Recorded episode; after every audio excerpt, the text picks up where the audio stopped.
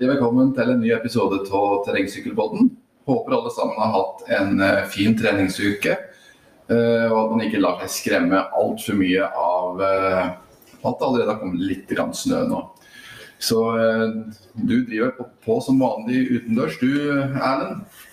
Ja da, det stemmer jo det. Det har jo blitt litt vanskeligere nå som det første snøfallet er kommet. Det har jo ikke lagt seg veldig, men det, det går fort noen dager hvor det er litt begrensa muligheter. Da. I hvert fall når man ikke har tatt seg bryet med å legge over til piggdekk på sykkelen ennå. Ja, det var egentlig akkurat det jeg tenkte å spørre deg om, om du hadde lagt på piggdekk, men det har du altså ikke gjort. Har ikke gjort det, så da blir det fokus på løping til man får eh, satt på piggdekka. Ja, jeg har ikke sett, fulgt med så veldig mye på Strava den siste uka, så jeg har ikke helt fått sett eh, hva du har trent og ikke trent. Men, eh, men eh, du driver og løper en del. Ja da. Både baklengs og framlengs. Ja. Da er det spesielt med tanke på at vi nærmer oss skisesongen. Ja, det er jo litt det òg. Løping er veldig god trening mot uh, turrennsesongen. Ja, spesielt hvis man kan stake mye. Ja. Så nei, eh, for min egen del så har jeg da kommet meg inn på rommet mitt på gymmen. På, sitter på Swift og tråkker litt der. Jeg har fått kjørt eh, to intervalløkter denne uka her. Eh, litt på grunn av at, at det har blitt har liksom, Det har vært så mye jobbing og så mye styr den siste uka at det, det har blitt en del dager jeg ikke, ikke har fått trent, faktisk. Og da når man da først trener, så mener jeg at da, da må man prioritere å kjøre de nøkkeløktene, da, som, som jeg liker å kalle dem. Kort, rolig økte, da. Eller Korte, rolige økter. Så det bør helst være under kvarter. under et kvarter, ja. På sone én. På sone én. Ja. Nei, eh, de nøkkeløktene som man kjører da, det er økter som eh, som, ja, der man må slite litt. Grann. Det, det er ikke sånn, På en tid her av sesongen så er det ikke så viktig å kjøre veldig veldig hardt, men ca. på terskelwatt. Eh, Jeg liker å kjøre litt under terskelwatt, faktisk. For å så bare holde, holde det i gang, men samtidig få kjørt kvalitetsøkter. ja. Jeg jeg har veldig trua på det sjøl, og egentlig gjennom de siste åra. Tanken bak at man skal prøve å trene krefter inn i kroppen, og ikke ut av kroppen. Ja, At, uh, at man treningen skal gjøre deg sterkere, og ikke bare sliten og uh, lei. Ja, ikke sant? Eh, vi nærmer oss jo en eh, vi, er, vi er jo nå inn i eh, selve kickoffen på ny sesong. Ja, vi er jo i siste uke i oktober nå, og tradisjonelt sett har mange Dette varierer jo veldig, da, men ofte har man 1.11. som en sånn startdato mot eh, 2022-sesongen. Ja, det er for mange syklister så er det jo det. Det er 1.11. som er kickoff 2022. Og sånn sett så er det jo på en måte en litt sånn ja, en litt spennende dag. Ja, det er, det er jo det. Man kan på en måte Nå har man gjort seg ferdig med hele 2021, uavhengig av hvordan det har gått. Man har tid til å evaluere sesongen. Um, kanskje oppnådde man sine mål, kanskje ikke. Mm. Uh, jeg har veldig trua på at 2022-sesongen blir en fullverdig sesong. Ja. Uh, forhåpentligvis uh, første året nå på noen år at man kan planlegge og delta på de rittene man har lyst til, og ikke bare de rittene som får lov til å arrangeres. Mm. Og det, det gjør det jo mer motiverende da, å gjøre en real innsats nå i de litt tyngre treningsmånedene, da, som november, desember, januar kan være. Ja. Jeg vil eh, nesten tro at kanskje en del som har hatt konkurranser som en motivasjon, eller en, en gulrot som henger foran der, kanskje har hatt litt vanskeligheter med å motivere seg skikkelig for uh, å satse ja, også gi, satse skikkelig på sykkel. Uh, den perioden som vi har vært igjennom nå med pandemi. Eh, og Vi har jo prata litt på at, at du har jo kjent litt på akkurat den du òg. Husker vi snakka litt om for en ja, det er sikkert snart et år siden vi har pratet på det. Men at uh, forrige vinter at du liksom da slet litt med også å håndtere deg skikkelig. Ja, det er i hvert fall vanskelig å, å legge inn det lille ekstra når man egentlig ikke vet om det blir vritt eller ikke. Nei. Og det har jo vært sånn for oss. Vi har jo ikke kunnet, både som arrangører, da, Tryseknutrennet og rittet, eh, hvor vi opplevde nå i året at Tryseknutrennet ble Vi fikk jo ikke lov til å arrangere det, og den beskjeden fikk vi helt til siste liten. Alt av avtaler, all jobb er gjort, Mm. og påmeldingene hadde begynt å hagle inn. Så kommer regjeringa med beskjed om at det ikke blir tillatt med breddearrangementer. Ja. Ja, nei, det Apropos, eh, apropos Tryseknuttrennet, når skal vi åpne påmeldinga der? Ja, den er allerede åpen. Ja. Så det er bare å gå inn på EQ Timing og søke opp Trysknuttrennet. Og så velger du den eh, klasse du har lyst til å delta i. Om du har lyst til å delta i eh, den nye Wisma Challenger-klassen, da. Mm. Eh, det krever at du har noe fiskkoder og sånn, kanskje. Dette vet jeg ikke så mye om. Nei. De som eh, er interessert i å delta på det, vet vel det sjøl. Eller vanlige turklassene, da. Mm. Nei, det er jo et 40 km langt uh, turrenn som uh, går i sånn småkupert, fint uh, skogsterreng. og Det er ganske idyllisk. Eh, for dem som ikke har gått der før, så er det jo virkelig å, å anbefale. Så, men, men liksom litt tilbake til altså kickoffen igjen på, på sykkel. Eh, så er det vel kanskje noen som har hatt en periode nå med eh, litt mindre trening òg. Og da, eh, da er mitt råd altså ikke gå ut for hardt og ikke bli ja, demotivert av eh, at man føler seg tung og i dårlig form. Ja, eller så kanskje man opplever det motsatt òg. Altså hvis du har hatt, tatt, hvis du har trent jevnt over en periode, så har du nå hatt en periode hvor du har tatt det veldig med ro. Så kan, kan du strutte av energi Mm. gå pågangsmot. Mm. Sånn at uh, noen eh, tar kanskje i litt for mye nå- i starten. Mm. Tenk nå heller at uh, sesongen, det er lenge til sesongen starter. og Bruk heller litt tid. Bygg det opp sakte og gradvis. Mm. Det er viktig å være tålmodig og gjerne sette opp et program som ikke er eh, sånn altfor ambisiøst. Det skal på en måte være mulig å Det skal være gjennomførbart over tid. Eh, Det er ikke noe, det er ikke noe problem å gå i gang og trene helt sykt mye over en måned. Eh, Men det må være gjennomførbart over tid. Altså et helt år iallfall.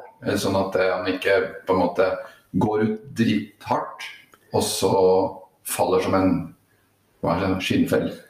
ja. Eller at du rett og slett eh, legger opp et treningsprogram du vet at det er gjennomførbart. Og at får du til mer trening, så er det en eh, bonus. Mm.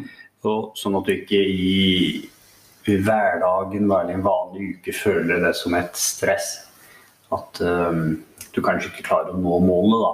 Mm. La oss si du er i full arbeid og har tre barn og kone og sånn, og setter opp et treningsprogram med 20 timer i uka. Mm. Så kan det bli tøft uke etter uke. Mm. Ja. Eh, personlig så har jeg satt opp eh, fire nøkkeløkter i uka. Eh, Og og trodde du skulle si fire nøkkeløkter om dagen. ja. og de øktene er prioritert å få gjennomført. gjennomført. Eh, og det som da kommer i tillegg til dem, det, det blir i så fall bare rolige turer. Ja, Restitusjon eller Ja. rolig langturer òg. Kan godt være rolig langtur. Ja, bare med bevissthet rundt å holde seg på riktig intensitet, sikkert. Ja, for det er ikke alltid det er liksom, vi, er i, vi er i full jobb, vi har familier, eh, har eh, verv i forskjellige organisasjoner og har kanskje andre hobbyer ved sida av syklinga òg. Eh, sånn at det blir ofte så, kan det bli dager der, du faktisk ikke får trent. Og da er det kanskje litt, sånn som jeg ser det, litt synd om man da skal bruke bort de dager der man får trent, da, til å kjøre rolig halvkorte eller moderate halvkorte økter som kanskje ikke gir den store treningseffekten. Nei, man må tenke, tenke eh, omkring det, de der, ja. Altså at den tida du bruker, den brukes fornuftig. Mm. ingen av oss har jo, og ingen av dem som lytter på oss, har uendelig med tid. Nei. Men er alle avhengig av eh, at det man gjør er effektivt, og at man får mest mulig utbytte av den tida man legger ned i det. Ja. Ehm, Så klart at det er jo individuelt hva man ønsker å, man ønsker å ha igjen av syklinga. Eh, For dem som ønsker å bruke syklinga som, som ren rekreasjon, så er jo kanskje ikke det så aktuelt å kjøre på med supernøye program og skikkelig økter der du hele tida ligger og styrer på watt og alt er sånn eh, oppimot treningsteori og, og nøye. Det fins mange av, av dere lyttere som òg eh, liker å bruke sykling som rekreasjon. Og sykling er jo en fantastisk rekreasjonsform. Man kommer seg ut, får frisk luft, hjertet får slått. Så Og ikke minst det med distanse har jeg tenkt mye over når du bruker sykkelen som eh, treningsmetode. eh, eller i forhold til rekreasjon. At du kommer over et stort område. N- eh, For dem som løper og sånn, så, så er det alltid litt begrensa hvor mye av nærområdet ditt du får sett. ja, Det er, dette har jeg tenkt litt på faktisk. At det er eh, På sykkel kommer det faktisk utrolig langt, altså. ja, I løpet av et par timer er det god vind og sånn. I løpet av et par timer så kan du ha kommet til seks mil f.eks. Ja, Det er ganske langt. ja.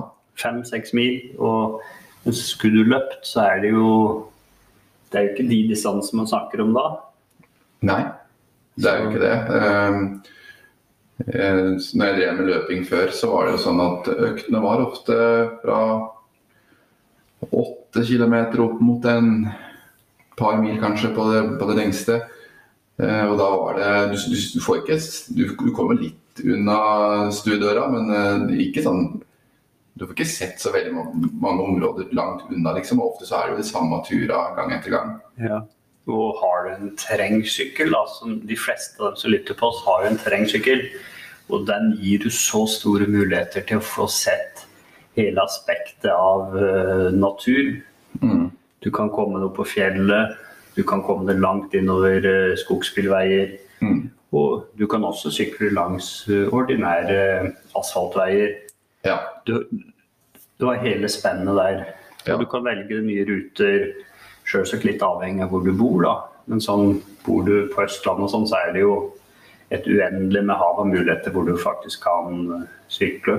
ja, det går jo sånn skogsbilveier omtrent overalt. Det gjør det, og det, det er bare å ikke være redd. Har du med telefon og Google Maps og sånn, så er det faktisk bare å prøve å sykle opp en vei, og så ser du hvor du kommer hen. Eh, man gjør det.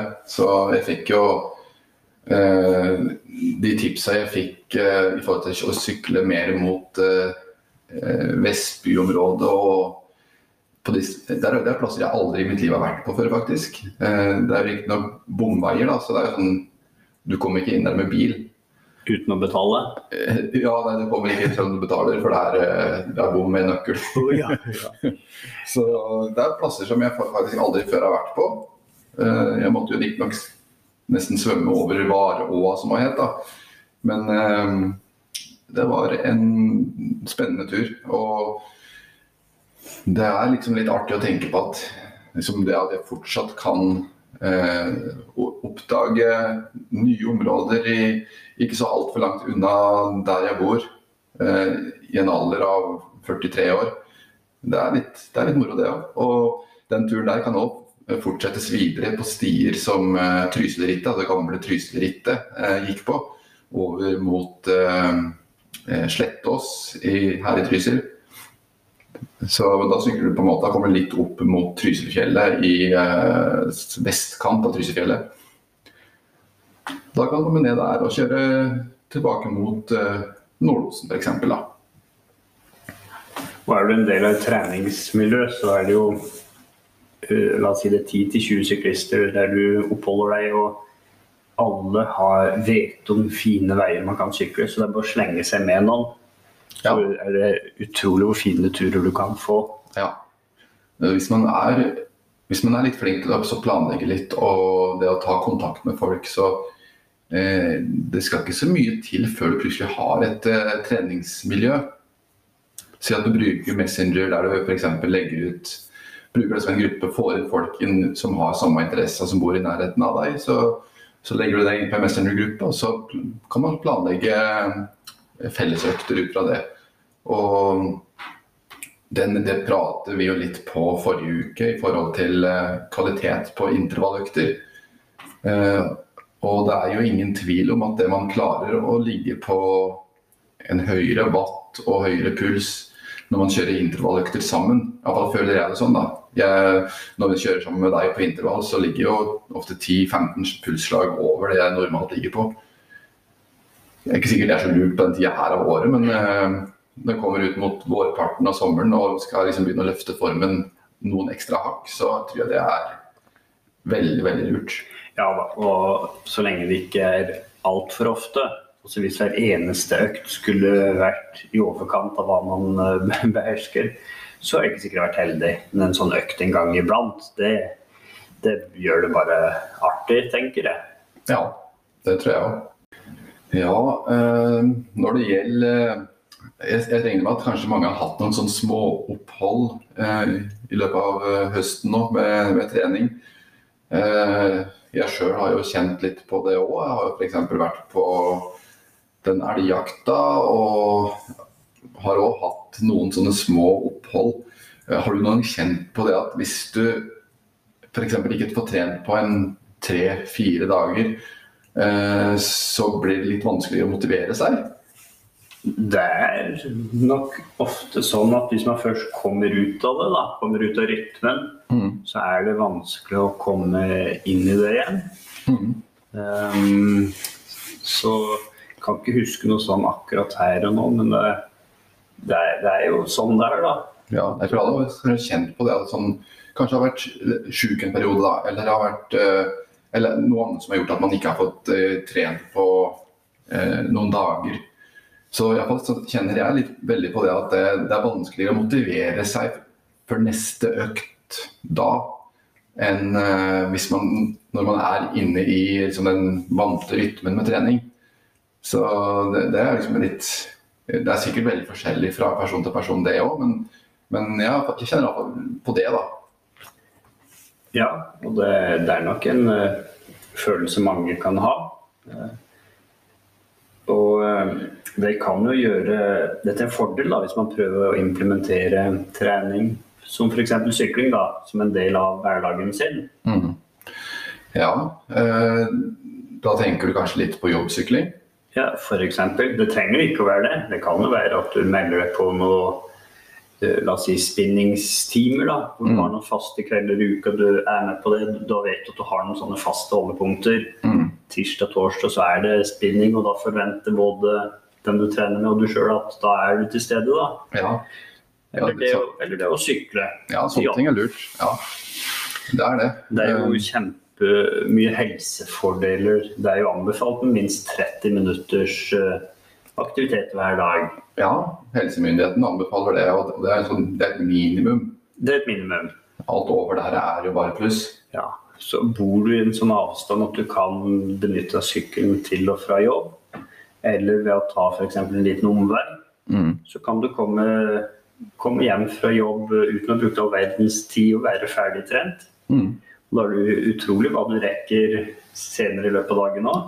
Ja, det er det. Uh, ja, jeg, kommer, jeg, kommer, nok ikke til å starte opp med sånn jobbsykling uh, før vi kommer litt ut på Ja, før det begynner å bli bart igjen, tenker jeg. På, det er jo tross alt 45 km hver retning uh, for min del, da. Men det, en, det, kan jo være en veldig, veldig god måte å få timer på sykkel, få, få mil på sykkel. Ja, absolutt. Og så er det jo litt sånn nå høstmørke da, og vinter som nærmer seg, så er det i hvert fall veldig viktig hvis man skal ut og sykle, at man tenker at man skal være synlig. Mm. Når snøen kommer, og sånn, så blir ofte veiene smalere fordi det ligger snø mm. tett innpå. og Syklisten har ikke noe sted å gjøre av seg, da. så man må være veldig synlig så bilistene ser det tidlig. Ja, det er, eh, det er, ikke alle bilister som avpasser farten helt til når de skal passere en uh, syklist. Og de Jeg vet ikke helt, jeg. Ja. jeg har ofte opplevd at folk kjører forbi meg ganske tett inntil, eh, og uten å så senke farten. Ja, og, og på denne tida av året så har du ofte lue og bøff og hjelm, og det er ikke sikkert du hører bilene heller. Er det mørkt, så ser du jo sjølsagt lysene ganske tidlig, da. Mm. Men det, du vet jo ikke om eh, bilisten sitter og fikler med mobiltelefonen sin, eller hva den driver med. Nei. Du sjøl har blitt sett. Nei, du vet jo ikke det, så derfor så er nok eh, bekledning og reflekser eh, veldig viktig. Og det er nesten så jeg skulle tro at det er eh, nesten eh, mindre risiko når det er mørkt. Både fordi du kan ha masse reflekser på deg, eh, og at du ser lyset, at du faktisk er klar over at det kommer en bil. Mm. Det, det er ofte en fordel begge veier. da. Mm. Du som syklist blir veldig synlig hvis du er kledd riktig. Mm. Jeg har jo, bruker jo en sånn Garmin Varia RTL eller hva det er for noe radar. Mm. Eh, Og Fordelen med den er at jeg får et varsel tidlig når det kommer biler bakfra. Mm.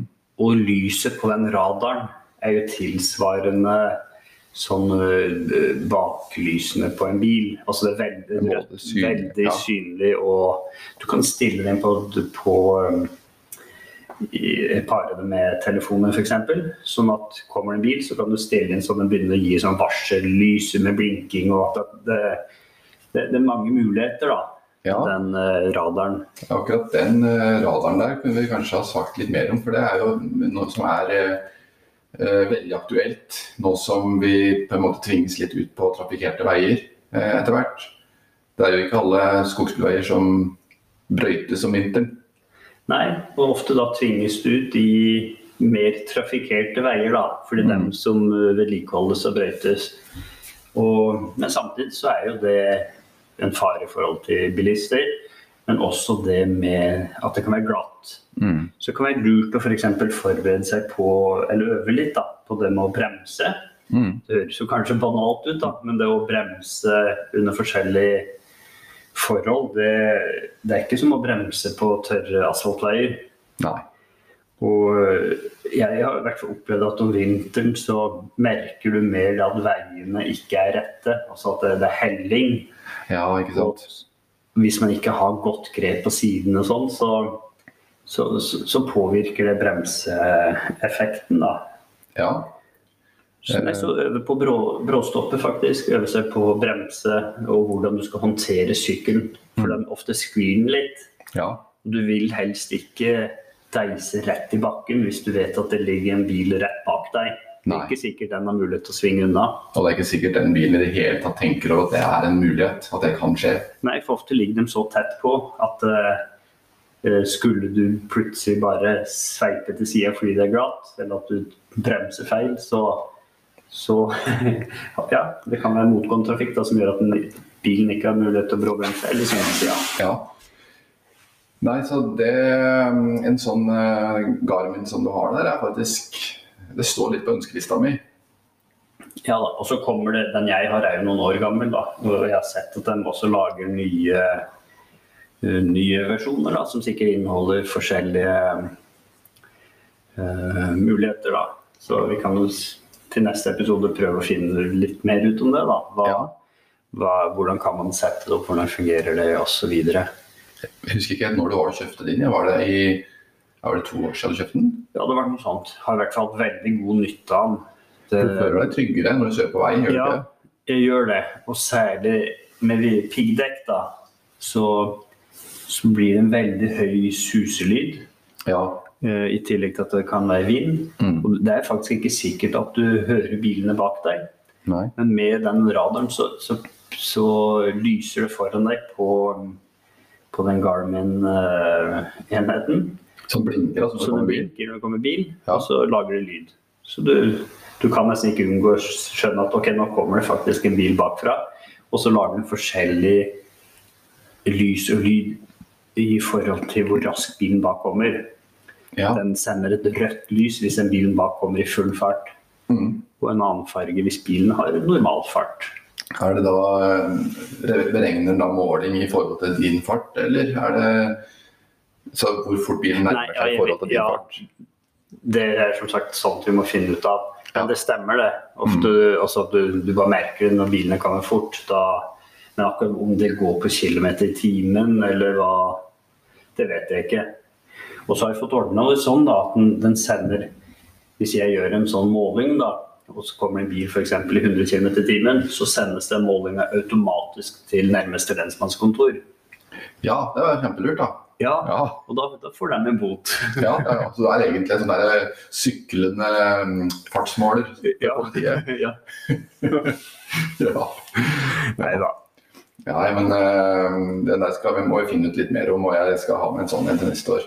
Det, Ja, I hvert fall hvis du gjør alvor av det at du skal begynne å sykle mer til og fra jobb. da. ja, det er Uh Som vi prata på i siste episode, så eh, har jo antall, antall timer på sykkelsete ganske mye å si i forhold til eh, hvor god man kan bli. Det, det nytter liksom ikke å sluntre unna. Så, og det å få bruke til og fra jobb Du kan jo sanke ja, jeg vet ikke, bruk kanskje en og en halv time på, fra hjemme og til, til jobb, tenker jeg. Rundt der. Ja. Og fram og tilbake så blir det tre timer om dagen. Da. Så det, det ville jo vært eh, kjempebra, men, men samtidig så det, det er jo ikke realistisk eh, i det hele tatt å skulle sykle hver dag. Og så er det kanskje ikke så lurt sånn treningsteoretisk eh, å bare sykle fram og tilbake sånn heller. Nei, det er jo spørs, da. Uh, er du en uh, konkurrerende elitesyklist, så kan du bruke jobbveien som en del av treningsopplegget ditt. Mm. Men da, da er det jo viktig at det ikke bare er til og fra i en slags lapskaus. Mm. At det er sone tre til jobb og sone tre hjem fra jobb. Og sånn er det hver dag. Ja. Du må rett og slett bruke den tida du skal sitte på sykkelen som ja, som du, da, hvis du bor en og en halv time sykling under jobb, at du tenker første 20 minuttene er oppvarming, Mm. Eh, og så er det drag, f.eks. Spørs hva slags drag du skal kjøre, da. Mm. Og så er det siste delen er rolig nedkjøring Nedkjøring, ja. Man må i hvert fall ha en plan bak det, tror jeg. Ja.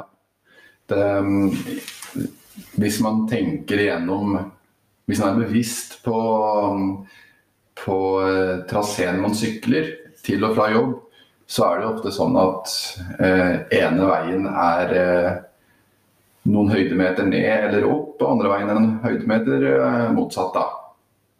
Så det jeg tenker da, det er at det vil jo være kanskje fornuftig å bruke den turen som går mest oppover, som den økta der du kjører på med, med høy intensitet og kjører intervall og finner ut Legger en plan på hvilke bakker du skal kjøre drag i. Ja. Og og for, for min egen del da, så er jo Det er vel fort en eh, 200-300 høydemeter forskjell på Elverum og Sør-Osen. ja. Så sånn sett så vil det bli ganske mange halvslake motbakker man kan sitte og kjøre gode terskeldrag i, tenker jeg da. Mm. Så Nei, det, er- det er en måte å gjøre det på. Eh, men som sagt, eh, man, man skal ikke glemme de nøkkeløktene heller, eh, som kanskje ikke er li, like lett å legge inn da, eh, i jobbsykling. Nei, hva tenker du på da? Nei, f.eks. Eh, hvis man har økt der du skal kjøre eh, seks ganger seks minutter, da. Og, Ja. du skal kjøre, og du har en plan at du skal ikke ha mer enn to minutter aktiv pause imellom, Ja. så er det ikke det så lett å få til i en det, hvis, ja, Tenk at du kjører en motbakke, da. Som der, der, du vet at det tar nøyaktig seks minutter å komme opp. Og som er bratt nok. Det er ikke sikkert du har en sånn type bakke til og fra jobb. Som kjører motbakkedraget, i, f.eks. Nei da, man må jo planlegge økta i forhold til det terrenget. Og jeg regner med at alle kjenner, kjenner løypeprofilen da, fra hjemmet til jobben. Mm. Så du må jo planlegge en økt som står i stil til det. For min del så har jeg ofte, når jeg har kjørt f.eks. timinuttersdrag, fire timinuttersdrag til jobb, at av og til så må man rett og slett Og du vet at ok, hvis jeg kjører i fem minutter til nå, så kommer det en lang nedoverbakke Mm. at du av og til rett og slett må vende opp. Sykle noen minutter tilbake i Ja. hviletida Ja. for å kunne vite at du får ti minutters uh, terreng foran deg, da. Så du kan sykle på en viss intensitet. Mm. Nei, altså det, men det er bare sånn man må finne ut av. Kanskje må man legge om ruta hvis man har den muligheten. da. ja. Til å- Eller For du som liker å konkurrere på rundbanen, da. Ta, ta et eksempel. Ja. Så er det ikke så lett å finne gap og drops og sånt på vei til og fra jobb. Nei. Og derfor er det at til og fra jobb kan være en del av et treningsopplegg. Men eh, skal du holde treningsmotivasjonen oppe, så må du nok variere treningsrutene litt. Ja, mange er nok litt sånn at de liker denne her eh, denne faste tralten og det, så de liker at det ikke er noe nytt. De, de liker å holde seg på det vante. Mens andre igjen er sånn at de blir fort, uh, syns fort det blir kjedelig hvis det, man hele tida sykler samme traseen. Så det der er, er jo veldig individuelt, da. Ja, det er det. Mange syns jo det er trygt at det er, du vet nøyaktig hvordan terrenget er. Men, men hvis du vil utvikle deg, så må du rett og slett utsette kroppen for litt variert uh, terreng. Også i forhold til side, medvind og motvind. Uh, at, at løypa rett og slett gjør, gjør at vind kan komme fra forskjellige retninger. Og dette er jo et av de eh, Det finnes jo en del treningsprinsipper. Vi har pratet masse om dette her prinsippet om kontinuitet. Men eh, dette prinsippet om variasjon òg, det er jo et treningsprinsipp som er viktig å ha med i treningsplanlegginga si. At man da passer på å variere. Ikke bare variere hvor du sykler og, og at man varierer drag og sånn, eh, og intensitet. Eh, Men at man òg varierer f.eks. fra uke til uke. At man varierer underlag. At man varierer vær. Det er jo, det er jo også sånn at man, man blir jo bedre av å sykle i skitvær eh, hvis man trener mye på å sykle i skitvær. Ja, ja. Og det, der så vi jo at du hadde jo en forse på, på NM maraton i år. Du sykler veldig, veldig bra.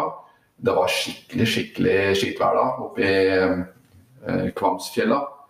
Det kom jo det kom sprutregn og, og vind og tåke og ble kaldt. Eh, ja det var jo helt nydelig. ja, du likte deg godt, du. Ja, ja, ja. Så Nei, men sånn, så, sånn er man jo forskjellig, da. Men det har du et par ganger i hvert fall tatt og kasta deg ut og trent sjøl om det er det vi kaller for realt skitvær, da. Mm. Fordi når det først er konkurranser, så kan det være den type vær og forhold du møter. Og hvis du aldri har vært ute og sykla i litt terreng når det er bløtt og gjørmete, så har du nesten ikke forutsetninger til å klare det på konkurransedagen. nei. Fordi det er en, en helt annen måte å sykle på. Mm. I forhold til bremselengde, i forhold til grep, i forhold til uh, at det blir tyngre. Altså, Ja. Man må ha en sånn, litt sånn fandenivoldsk innstilling, tror jeg, i forhold til eh, det å trene. Så ikke tenk sånn at det, Nei, i dag er det så dårlig vær i fjellet at jeg tror jeg holder meg på ja. Jeg holder meg på, på, på asfalten, f.eks. ja. Eller det, kanskje det er bedre å tenke at eh, i dag er det så Er det slik vær i fjellet som gjør at jeg bør trekke meg opp dit for å få trene på de forholdene. Ja, kanskje det rett og slett blir litt enklere da. Og så er det det å finne en økt som passer i forhold til forholdene òg, da. At det er kanskje lettere å kjøre en kjøre timinuttersdrag, da f.eks. Mm. I, litt, i den type vær enn å kjøre en rolig langtur på fire timer. Mm. Ja. Men eh, det betyr ikke at du ikke kan kjøre en rolig langtur på fire timer i det været. Men det, det er i hvert fall å finne en økt som gjør at du får test ut de forskjellige forholdene. Og så er det liksom at man, man leter hele tida etter unnskyldninger for å så ikke utsette seg for det. Eh, man er redd for å bli sjuk. Eh, man er redd for at drivverket skal bli slitt. Eh, Man er redd for at sykkelen skal bli ødelagt. Man er redd for at eh, klærne skal bli møkkete. Ja, altså det fins tusenvis av unnskyldninger. Men skal du bli bedre, så må du rett og slett se mulighetene. Ja, man må rett og slett gjøre det. Og det er, det er vel det som skiller de beste fra de nest beste, tror jeg. At de hele tida ser muligheter i det som mange ser på som problemer. men de ser muligheter i problemene. Mens de som kanskje ikke når helt opp til toppen, eh, kanskje er de som heller prøver å finne unnskyldninger eller, eller bortforklaringer. Da. Ja, nettopp. Det er, eh, skal du bli bedre, så Men samtidig så må man være lur òg, da. Man, det er liksom hvis vi bruker eksempel i stad, så er det ikke sikkert du skal dra ut på en sånn uh, og drasse godsykkelen din ut i gjørmete skitvær for den med risikoen at du faktisk kan bli syk, da. Mm. Hvis det er samme uka som et viktig renn. Mm, ja. men, er, men, er, det i mars, da, for å si det sånn, og det er to-tre måneder til første renn, så er det kanskje Ritt, mener du? Ja, ritt, ja. Så, så man må liksom bare Nei, jeg tror det er på å planlegge ting og, og, og se løsninger og muligheter, da. Uten at det nødvendigvis eh, ødelegger for deg òg, da. Ja, ikke sant. Det tror jeg er eh, Kanskje særlig med tanke på det du sa om drivverk. da. Det er jo økt belastning å sykle ut i gjørmen. Mm. Og har du ikke et lager med reservedel hjemme hos deg, så mm. du, det er ikke nødvendigvis at Bikeshop klarer å levere til den tida du tror. Nei. Så ja. Jeg har, eh, jeg har jo et treningshjulsett bak med en treningskassett på. Det er ganske stor forskjell i pris på det i forhold til det som sitter på den karbonsykkelen. For det, jeg kjøpte jo nytt drivverk til den uh, i vår. Uh, det nytt drivverk, rettere sagt. Uh, ny kassett og nytt kjede, som var, som var høyeste kvalitet. Da, da er det fort en borti 6000 kroner. Og på det treningshjulsettet som jeg har, så sitter det en, en Sunrace-kassett. Billigste sort. Kosta rundt 500 kroner, tror jeg. Og et tungt eh, hjulsett fra Shimano som funker helt greit til trening. Og da, da er det ikke sånn at man trenger å være så veldig nøye på at man ikke, ikke møkker det til da, på trening. Eh, så Da er det litt lettere å komme seg ut i eh, skitvær, så lenge du vet at du har et eh, hjulsett som, som, er eh, ja, som ikke koster all verden. da. Så Ellers så eh, Ja. Du sitter og ser på telefonen. Sitter som, en ek, sitter som et ekorn og prater. Ja, ja, jeg tenkte jeg bare skulle prøve å finne, finne ut om det var noen sånne spennende eh, ritt nå på starten av 2022 eh, i utlandet. Ja. Men det, det, er litt sånn begrensa uh, med oppdateringer, da. Hva som blir og ikke blir. Det er jo liksom på en måte litt utafor sesongen, både for de som driver med internasjonal rundbanesykling og, og all type terrengsykling, egentlig. Så jeg vet ikke. Sånn i, i, Australia så er de på vei inn i, inn i sommermånedene nå, er de ikke det? Ja, jeg har vært lite borti der i det siste. Så der skulle jeg tro at de er i full sving med, med satsing og, og ritt. Men uh, vi bor jo på den nordlige halvdelen, så Ja. Um, jeg ser uh... Jeg finner ikke noe særlig, nei. Nei, det var dårlig med oppdaterte ting, altså. Så da får vi vel bare heller satse på å trene da, og ikke konkurrere så mye. Ellers så er det går an å bruke Swiften, da. Finne ritt på Swift, for der er det masse ritt. Ja da, absolutt for dem som har den. Da, i fall, så. Men personlig så Jeg liker best å bruke Swiften som et sånt treningsverktøy og ikke så mye konkurranser. Men det er jo forskjell fra person til person hva, hvordan man ønsker å bruke den. da. Ja da. Det er Swiften, og det, det vokser bare òg, har jeg skjønt. I forhold til uh, i forhold til hvor mange som uh, er med på det opplegget. Ja. Og så nå ser jeg også at eh, det har jo lenge vært veldig vanskelig å få tak på utstyr og sånn. Men akkurat det med sykkelruller, det ser ut som de fleste steder har på lager. Mm. Flere typer. og med smart-ruller og også ruller da, som er kompatible med Swift og andre treningsapper. Ja. Det kan nok hende ha litt med pandemien å gjøre det. At, at folk at de rett og slett har sett at her kommer det til å bli et veldig stort veldig stor etterspørsel etter ruller. Eh, så vi må bare kjøre på med produksjon av det. Ja, og at de kanskje bestilte det i fjor, da, hvor vi fortsatt virkelig sto i en eh, koronapandemi. Ja. De har fått levering nå.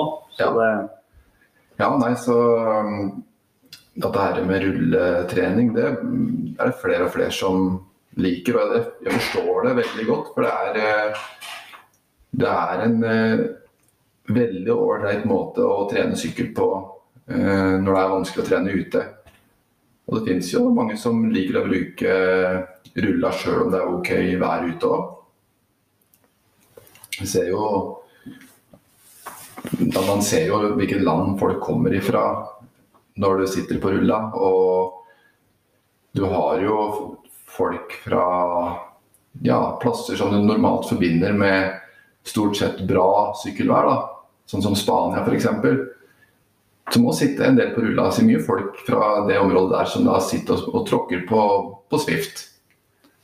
Ja, og nå, nå, skal jeg bare si at nå har jeg funnet faktisk et, eh, et eh, ritt som hørtes veldig spennende ut. Jaha. Det er i Danmark. Mm. Og det heter Rollskov MTB Maraton. Oi. Danmarks Moske. Og Moske, det er kanskje ja fedeste, det er det tøffeste, MTB Race. 21. mai 2022. Da har de 21. mai? Ja. Oi. 21. mai. Og da er det to muligheter. En lang løype på 75 km. Mm. 1250 høydemeter. Og en kort løype på ca. 45 km med 800 høydemeter. Ja, det er nesten utrolig at de klarer å få til såpass mange høydemeter i Danmark. Ja da, men uh, masse små kneiker hele veien. Men det blir jo høydemeter av det. Det blir det. Mm. Og uh, jeg kan jo prøve å lese litt om det her, da. Og det at løpet, men det er jo rittet, da, kommer forbi alle de fede høydepunkter i Holmskov, som Store og Bettefanden, Fy for fanden, Raserbanen, Ramkildkilde osv. Regner med du har få ut, den, få ut den poteten fra halsen. uh, ruten er variert og består primært av spor, skogstier og enkelte transportstykker på grus. Ja. Det avvikles som et stjerneløp med tre forskjellige løpssegmenter med utgangspunkt sentrum ved Skørping idrettssenter. Ja. Vet du hvor Skørping er? Nei. Nei. Uh, nei. Skørping. Nei, jeg vet ikke, altså. Det, er, det, det, det med stjerneløp det betyr at når ett løp avsluttes, mm. så starter det neste ut. Ja. Hvis jeg skjønte riktig. Uh, alle som har prøvd å kjøre MTB-spor, kan delta. Ja. ja. Det er uh, faktisk at det kan faktisk være noe som kan være gulrot for veldig mange. det nå. At vi begynner på en måte å, tre, å planlegge treninga og kanskje setter opp det som, er, som kickoff i konkurransesesongen. Ja, og nå skal du føre den beste nyheten Jaha. om uh, det, det, her er altså Rold Skov MTB Maraton. Mm. Og de har naturlig sørget for energi til dagen. Og når løpet avsluttes, inviterer vi på pølser og øl. Oi, oi, oi. Er det pølser og øl? Bad. Ja. Varmt bad òg? Ja, ja. Massasje? ja, Det sto det ikke noe med, men det, eh, det kan man jo sikkert ordne. Ja, det hørtes spennende ut. Det gjorde det. Ja, så Jeg fikk i hvert fall lyst til å delta. Ja, 21. mai det... det er ikke så lenge til, vet du. Nei, hvor mange Nå er vi Nå begynner november. og November, januar, februar, mars, april, mai. Seks måneder til. Ja. Så det går jo fort dit. Um, Skrøping, da. Det ligger mellom Aalborg og Randers. Mm. Og da er man jo på Man er jo i Danmark, og man er på Er det Jylland det heter? Er du god på det med øyer? Altså Um, øst, nord, Nordøst-Jylland, blir det det? Ja, jeg er faktisk ikke veldig godt kjent i Danmark. Nei. Så Nei, men uansett, da, da har du Du kan ta båten både til Hirtshals og Fredrikshavn. Ja. Og så er det ikke lange bilturen da, fra verken Hirtshals eller Fredrikshavn til Skørping. Det er litt forbi Aalborg, da. Mm. Og eh, det er jo egentlig helt overkommelig å komme seg dit. Klarer å sette av, sette av litt grann tid for til transport, så det er ikke så langt til Danmark. Sånn sett, Jeg vet ikke hvor lang tid båtturen tar over. jeg. Nei, Det er jo spørs hvilken båt du velger da, når det er en stund siden jeg har tatt Danmarksbåten pga. korona og sånn. Ja, Jeg kommer til å ta Kiel-ferga, tenker jeg. ja. Bare, hvor er Danmark? Nei, men tar du f.eks. hurtigbåten da, som går fra Larvik, er den framme på fire timer og et kvarter. da. Mm. Uh, den går vel til Hirtshals, tror jeg. Eller så kan man velge den litt tregere båten fra Oslo, som da begynner på kvelden, og så er den vel framme om morgenen etter. Ja. Her, men, men, her ser jeg at starten er klokka ti om morgenen Mm. på det rittet her. Sånn at man må nødvendigvis uh, tenke gjennom det i forhold til uh, Men hvis det ikke er så lang biltur fra Det er vel ti, grytidlig om morgenen båten er framme. Ja, det kan, hende man rekker det. Uh, og så er det men liksom, lørdag 21. mai er det arrangeres det, da. Så kanskje man har muligheten til å ta båt sent torsdagskvelden f.eks. Mm. Være framme fredagsmorgen, Mm. komme seg til Skaping, Mm. sykle litt i løypa, i rolig sone 1, gjøre seg kjent. Ja. Og så eh, konkurrere lørdagen. Og så hjem igjen med båten på lørdagskvelden. ja. For de som har en vanlig jobb fra mandag til fredag, så kunne det vært interessant å se om om det er overkommelig. da. Og så sove på båten om natta, og så at man da rett og slett kommer seg dit. Det kan godt hende man kan være der allerede i åttetida på morgenen. Ja, men, men eh, ting tar ofte lengre tid enn man tror, er Ja. min erfaring. Og jeg har jo vært nede i Danmark og kjørt ritt før, og det er lurt å beregne god tid. Ja. Av og til eh, Selv om du kanskje kommer tidlig inn på danskebåten, så kan det hende at du må stå og vente lenge før du får kjøre ut av den. Mm. Og så kan plutselig gå en time her og en halvtime der som du ikke helt har Men hvis du lar bilen stå da, og så bare tar sykkelen Ja, kommer går fram, fortere, ja. Og så må man ha tid til å hente ut startnummer og gjøre seg klar. Og så Beregn god tid. Skal Ja. du ha et optimalt løpsopplegg, så må du ha mer enn god nok tid. Ja, Man det kan sant. ikke komme i siste liten eh, og, og bli stressa Mm. pga. Uh, at man ikke skal rekke det. Da tror jeg kanskje ikke løpet ditt blir like bra. Nei, Kommer med høye skuldre og det er ikke sant. Um, men du har jo pratet på at det er noe ritt i eh, mars òg, er det ikke det? Jo, det har vært de andre rittene i det samme området, da. Så det er i samme område? Ja, ja. Aalborg og Silkeborg og alt er der i samme område i Danmark. Ja. Eh, Men det her er noe rolled skov, da. Det er 345 kroner for voksen. Og 245 for junior. ja. Nei, dette høres eh, veldig spennende ut. Ja, det er det. Og pølser, øl, energidrikk, frukt, kaffe og kake er naturligvis inkludert i prisen. Men er det pølse på matstasjonen underveis? Ja, det, det må det jo være. Ja. Ja, ja. Men da har vi plutselig funnet, øh, funnet et tidlig Treningsmål. Ja, virkelig. Og det er eh, Jeg syns sånne ting er litt spennende å ha med seg nå i den tida her på året. At man på en måte allerede nå begynner å få ting å glede seg til. da. Ja. Det er eh, kanskje det som gjør at man da tar den ekstra økta ute i mørket og i regnværet eller snøværet. Fordi man vet at i tidlig, eh, eller midt i mai, da har vi et, eh, et maratonritt som ser veldig lo lovende ut da, i forhold til det som vi hører fra deg nå.